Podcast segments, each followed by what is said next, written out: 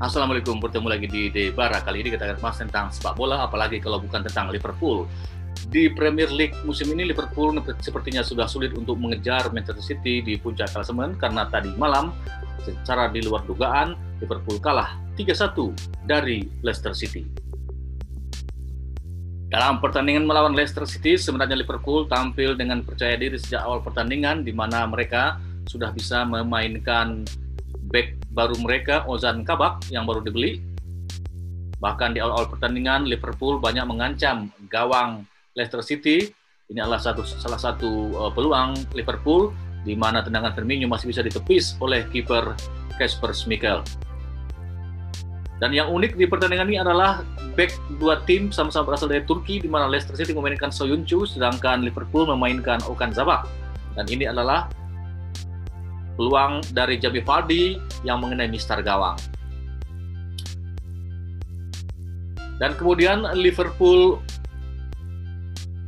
unggul lebih dulu lewat gol dari Mohamed Salah. Ini adalah proses terjadinya gol pertama Liverpool, di mana operan dari Firmino kemudian dengan tenang disambut oleh Mohamed Salah yang membawa Liverpool menang 1-0.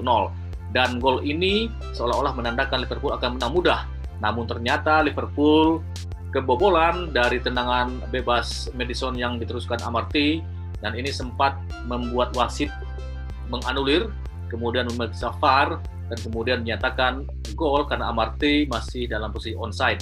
Skor itu membuat kedudukan satu-satu dan ini adalah kesalahan dari Okan Sabak.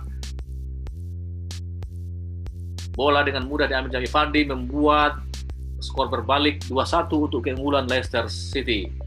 Ini adalah salah paham antara Okan Zabak dengan kiper Alison Becker. Kita lihat. Iya, bola kemudian mengarah kepada Jamie Vardy dengan tenang tanpa pengawalan membuat gol. Ini adalah gol ketiga Leicester oleh Bars yang juga akibat kesalahan dari Okan Zabak. Skor ini membawa Leicester City unggul 3-1 atas Liverpool. Dengan hasil pertandingan tersebut, maka di klasemen Liga Inggris saat ini Manchester City masih unggul di puncak klasemen dengan 53 poin dari 23 pertandingan, disusul Leicester City yang naik ke peringkat kedua dengan mengumpulkan 46 poin dari 24 pertandingan, sedangkan Liverpool berada di peringkat keempat dengan 40 poin. Manchester United yang masih memiliki satu pertandingan tersisa masih bisa melewati Leicester City karena saat ini Manchester United mengumpulkan 45 poin. Sementara di peringkat 5 ada Chelsea, di peringkat 6 ada West Ham United, peringkat 7 Everton. Everton sendiri baru memainkan 21 pertandingan sehingga bis, mereka masih bisa untuk naik ke jajaran 5 besar klasemen. Di bawahnya peringkat 8 ada Aston Villa, kemudian Tottenham Hotspur yang tadi malam kalah, sekarang berada di peringkat ke-9 dengan 36 poin. Di bawahnya lagi ada Leeds United, kemudian Arsenal, Southampton, Crystal Palace, Wolves, Brighton, Burnley, Newcastle. Sementara di tiga terbawah atau di zona degradasi dihuni oleh Fulham, West Bromwich, dan Sheffield United. Burnley sendiri tadi malam menang sehingga mereka naik sekarang ke peringkat 16 melewati Newcastle United. Saat ini justru Newcastle yang terancam ke zona degradasi, namun jarak antara penghuni degradasi Fulham dengan Newcastle masih jauh, ada 10 poin yang membedakan antara Fulham dengan Newcastle sehingga uh, tiga terbawah di Liga Premier saat ini sepertinya susah atau sulit untuk naik ke melewati zona degradasi. Sementara itu dari Liga Italia tadi malam ter terjadi juga kejutan di mana Juventus kalah dari Napoli, kemudian AC Milan juga kalah dari Spezia. Hal ini membuat posisi AC Milan saat ini terancam dilewati oleh Inter Milan sebenarnya kekalahan AC Milan ini harusnya menguntungkan Juventus, namun ternyata Juventus juga kalah. Jadi masih ditunggu hasil pertandingan antara Inter Milan. Jika Inter Milan menang, maka Inter Milan bisa menyalip AC Milan di puncak klasemen.